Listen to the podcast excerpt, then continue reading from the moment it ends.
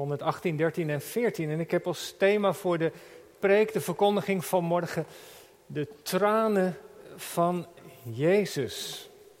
En dat lezen we in het Bijbelgedeelte vanaf vers 41, dat Jezus op een gegeven moment over Jeruzalem begint te huilen. De tranen van Jezus. Gemeente van Jezus Christus, hier in de kerk en thuis verbonden, broeders en zusters, jongelui. Het is een bijzonder gebeuren, daar op de heuvels van Jeruzalem. Jezus die door de mensen enthousiast wordt binnengehaald. Ze zijn helemaal, om zo te zeggen, euforisch en in extase. Ze zingen, ze jubelen, Hosanna voor de koning. Wij prijzen u, gezegend hij die komt in de naam van de Heer. Nu is eindelijk het moment gekomen dat alles gaat veranderen. Jezus wordt koning. Het is de euforie die zich van mensen meester maakt als een politiek leider een klinkende overwinning haalt. Het is de opwinding die je ziet in veel katholieke landen als de paus ergens op bezoek komt. Als ergens een nieuwe president wordt gekozen of als het voetbalteam dat kampioen is gewonnen, geworden met het vliegtuig komt en ze uit het vliegtuig stappen. Massa mensen op de been, rijen van uitzinnige, men, uitzinnige mensen. De lucht zindert van, van opwinding. En dan zoomt de camera opeens in op een van de hoofdpersonen. En deze persoon huilt. Vreemd. Heel hartstochtelijk huilen. Het zijn geen tranen van vreugde, van de overwinning of van de ontlading, maar het zijn tranen van een heel diep verdriet. Uitzinnige vreugde en intens verdriet. Een groter contrast kun je bijna niet voorstellen. En dat is wat Lucas vertelt over Jezus. Hij wordt als een held binnengehaald, maar de held zelf is intens verdrietig.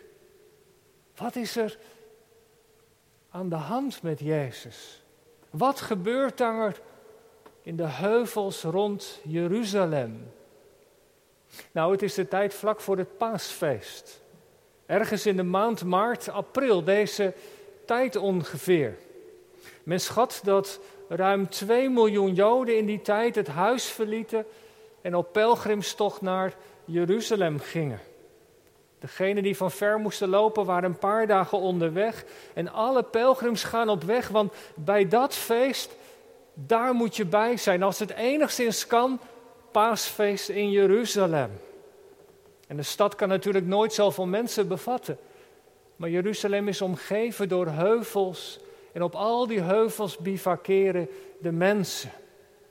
Dat is de setting van Palmzondag. De heuvels vol met pelgrims die daar een tentje hebben opgezet voor het komende Pesachfeest. En onder al die mensen is ook Jezus onderweg. Hij was net bij Zacchaeus in Jericho geweest en hij is die lange klim omhoog naar Jeruzalem begonnen, 1200 meter omhoog. En vlak voordat hij bij de top van zijn heuvel komt, stuurt hij zijn discipelen twee ervan alvast vooruit. Naar Betanië. Om daar een veulen voor hem te regelen. En vermoedelijk had de Heer Jezus dat van tevoren al afgesproken met de eigenaars. Betanië was de plek waar iedereen Jezus kende. Lazarus woonde daar, Martha en Maria, een huis waar hij vaak kwam. En het wonder was gebeurd. Dat hij Lazarus uit de dood had opgewekt. En iedereen in het dorp wist wie de Heer Jezus was. In een dorp zo gaat dat, weet iedereen, alles van elkaar. En de discipelen die komen terug met dat veulen, laten Jezus daarop plaatsnemen. En van alle kanten zien mensen dat gebeuren en ze stromen toe, nieuwsgierig en opgewonden. En ze beginnen te zingen. Ze leggen hun kleren voor de ezel neer als een loper. En ze begeleiden Jezus zo naar de top van de heuvel. En dan dalen ze via het Kidrondal af weer naar Jeruzalem. Waarom zijn die mensen zo enthousiast? Waarom is Jezus zo verdrietig? Eerst even iets over die mensen. Voor die mensen daar in Jeruzalem en voor de discipelen was dit het moment, moet je weten, jongelui, waarop ze honderden jaren hadden gewacht. De droom die van vader op zoon was doorgegeven. De verwachting dat er eindelijk iemand op de troon van David zou gaan zitten. Duizend jaar eerder was David daar geweest, een tijd van voorspoed en vrede. Hij was de man naar Gods hart. Er waren beloften uitgesproken. Maar na hem kwam Salomo, het rijk werd verdeeld in het tien en het twee stammenrijk. En in de jaren, in de eeuwen daarna, steeds weer andere volken het land binnengetrokken. Eerst waren daar de Assyriërs, toen de Babyloniërs, toen was daar de ballingschap, toen waren daar de Persen, de Egyptenaars, de Grieken en uiteindelijk waren daar de Romeinen en het land is bezet. En Israël raakte verdeeld. Het noorden werd bestuurd door Filippus, Galilea door een zoon van de beruchte Herodes, heette zelf ook Herodes, die van de kindermoord en Jeruzalem stond onder het bewind van Pontius Pilatus. Het land is verdeeld in allerlei gebieden. En door de jaren heen werd dat verlangen steeds sterker. Wanneer komt nou die dag dat iemand uit het geslacht van David koning wordt? En weet u, weet je, telkens als er een Joods jongetje geboren werd, dan liep de vader de straat op en riep: David. Want zomaar dat jongetje zou die nieuwe David, de beloofde Messias, kunnen zijn. Dat verlangen naar herstel, naar bevrijding, naar de komst van Gods koninkrijk zit zo diep in de Joodse ziel. Trouwens, tot op de dag van vandaag. Als je het Joodse volkslied beluistert, had ik wa, dan wordt dat nog steeds uitgesproken, de hoop die al 2000 jaar leeft om een vrij volk in een vrij land te zijn. Dat zit als het ware het Joodse volk in de genen. En als dan daar Jezus op de ezel over de heuvel naar Jeruzalem afdaalt, dan zien ze in één keer die profetie van Zacharia voor hun ogen gebeuren. Zacharia 9, vers 9, zei de profeet: Verheug u, dochter Sion, Jeruzalem, uw koning zal tot u komen, rechtvaardig, gezeten op een veulen. Hij is een heiland. Dit is het moment. Nu gaat het gebeuren. De troon van David zal binnen 24 uur niet langer meer vakant zijn, maar Jezus zal erop plaatsnemen. En hoe diep de mensen dat beleven, zie je in wat ze doen en wat ze zeggen. Ze roepen Lucas heeft het niet opgenomen, de andere evangeliën wel. Ze roepen Hosanna. Daar begonnen we deze dienst mee. En wij denken vaak dat dat zoiets betekent als wees welkom. Maar dat Hebreeuwse woordje Hosanna betekent Heere, red ons toch. Het is een uiting van ongeduld. En daarmee zeggen de mensen daar, Heere God, laat dit nu het moment zijn dat u eindelijk ons bevrijdt van al die Romeinen, van het juk van de onderdrukking. Hosanna klinkt als een bevrijdingslied. En ze zingen Psalm 118. Gezegend hij die komt in de naam van de Heer. Maar kijk maar eens even thuis naar die psalm. Het is een psalm van strijd en overwinning. Met de hulp van de Heere God behaalt Israël de overwinning over alle vijanden. Ze worden in de pan gehakt. Dat is wat de mensen allemaal al zingend in hun hoofd naar voren halen. Het volk dat met de hulp van God de overwinning haalt. Jezus gaat naar Jeruzalem en wordt koning. En ze spreiden hun kleren uit en er zijn palmtakken. Even iets over die mantels zijn ook een gebruik in het Oude Oosten, gebruik ook in het Oude Testament. Dat verwijst even terug naar de geschiedenis van Jehu. Jehu die de opdracht kreeg om, om het huis van, van Agab en Izebel, om dat huis te bestrijden en hen van de troon te stoten. En toen hij met zijn strijdwagen kwam aanrijden, legde ze kleding voor hem en reed hij daar overheen als een blijk van huldebetoon. En de palmtakken, die werden ook gebruikt bij de vrijheidsstrijd. Dat lezen we niet in de Bijbel, dat is ergens tussen het Oude en Nieuwe Testament in de tijd van de Maccabeeën.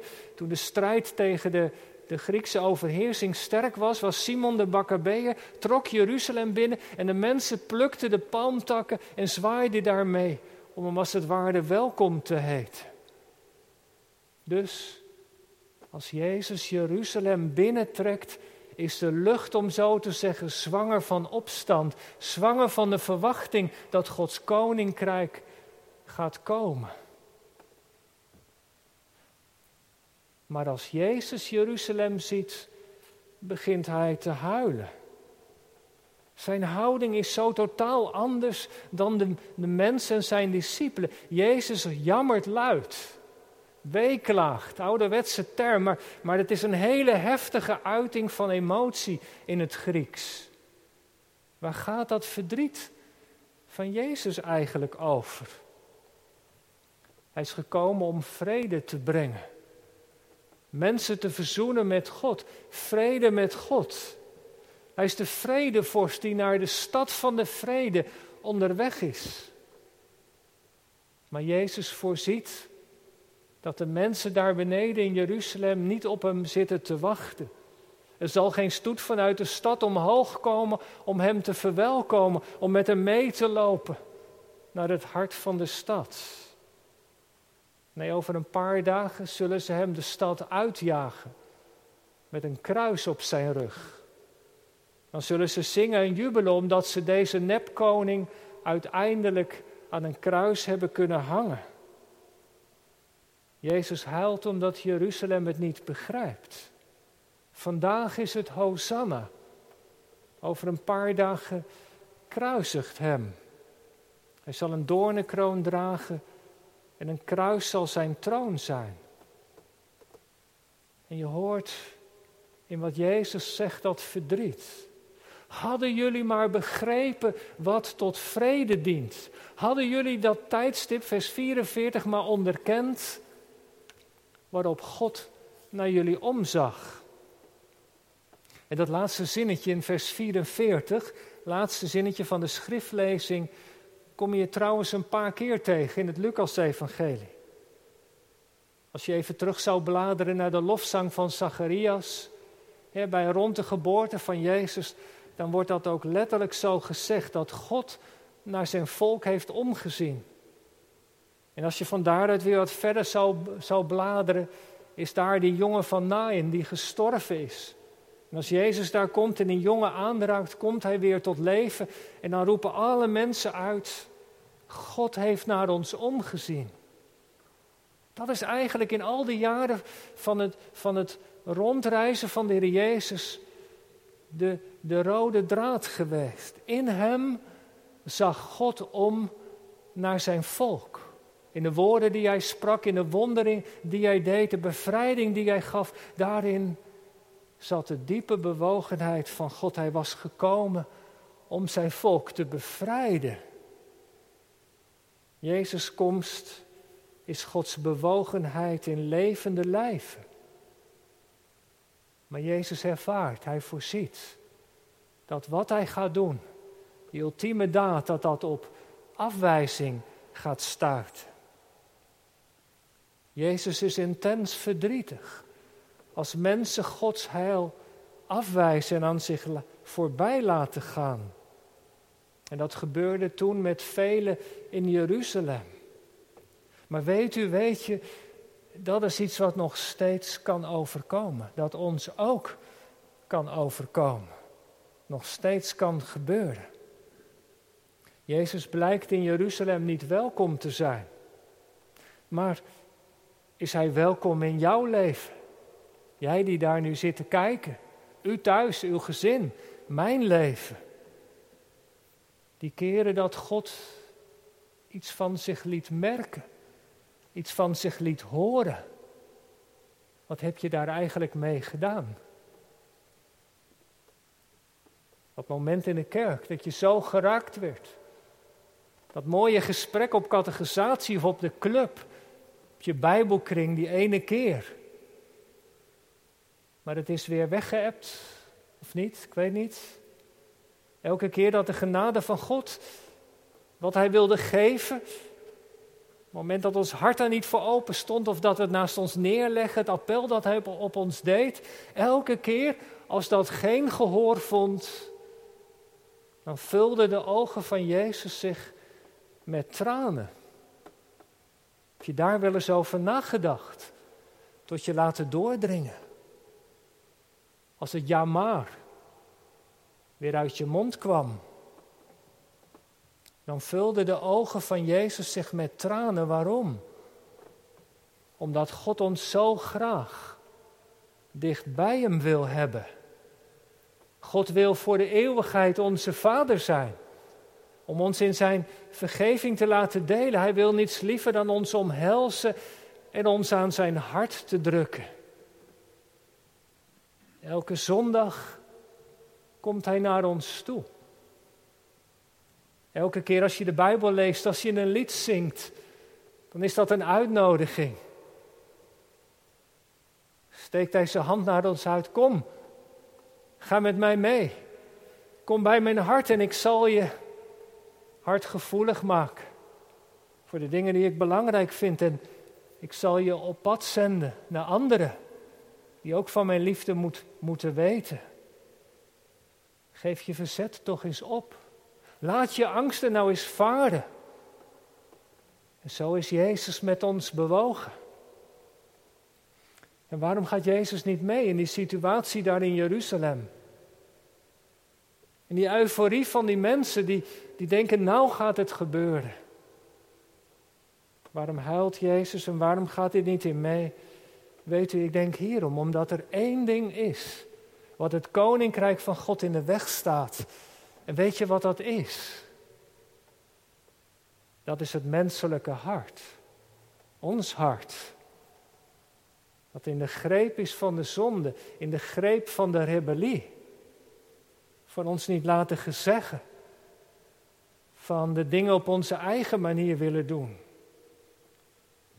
En daarom gaat Jezus niet mee in die beweging van de mensen. Want dat koninkrijk komt niet op de manier zoals zij denken dat het, dat het zal zijn door kracht of door geweld. De weg die Jezus gaat naar Jeruzalem is de weg die hij moet gaan. Waarom? Om nou juist die angel van de zonde weg te nemen. Om de macht van Satan, die daar steeds weer gebruik van maakt, te breken. Pas dan kunnen dingen anders worden. Jezus huilt omdat de mensen dat niet beseffen.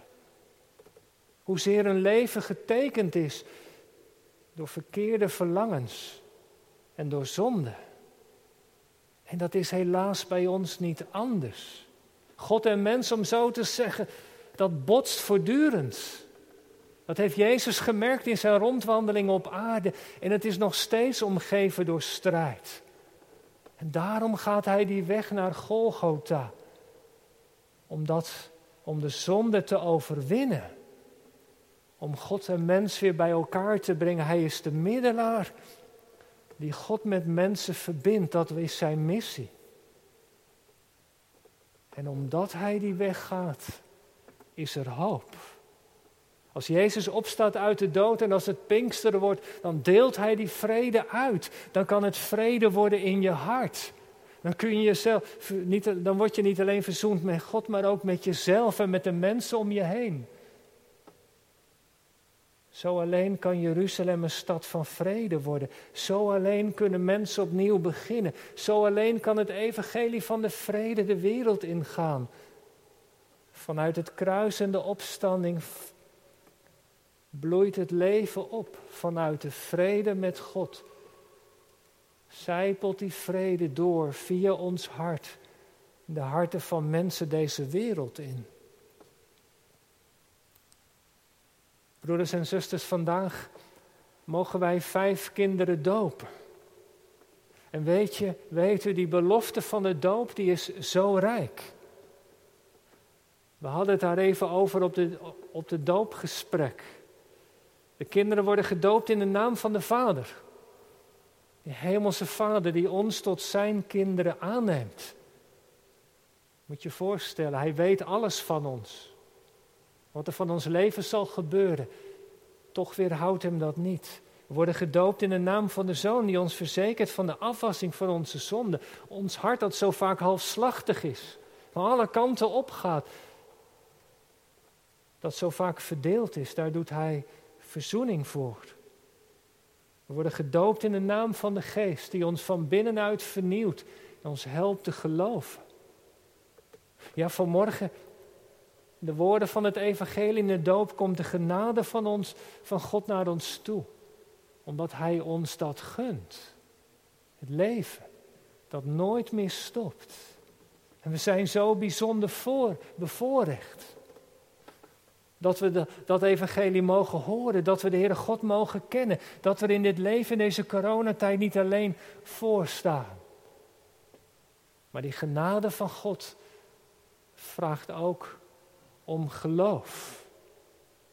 Geloof ik? Geloof jij? Gelooft u dat Jezus daar aan het kruis het voor ons heeft goed gemaakt? Dat mijn verleden, alles, door Hem gedragen is en dat ik opnieuw mag beginnen. Geloof je dat? Dat is het evangelie. En vanmorgen valt het accent op dat evangelie, op het evangelie van de tranen van Jezus. Ik eindig met een citaat. Het laatste en heftigste middel om ons te brengen tot die overgave, tot de aanneming van het evangelie, schreef iemand, dat zijn de tranen van Jezus. De moker waarmee hij zwaait om ons tot nadenken te brengen, is niet van ijzer, maar van gesnik. Einde citaat. Dat is het evangelie. Geloof het. En je zult leven. Amen.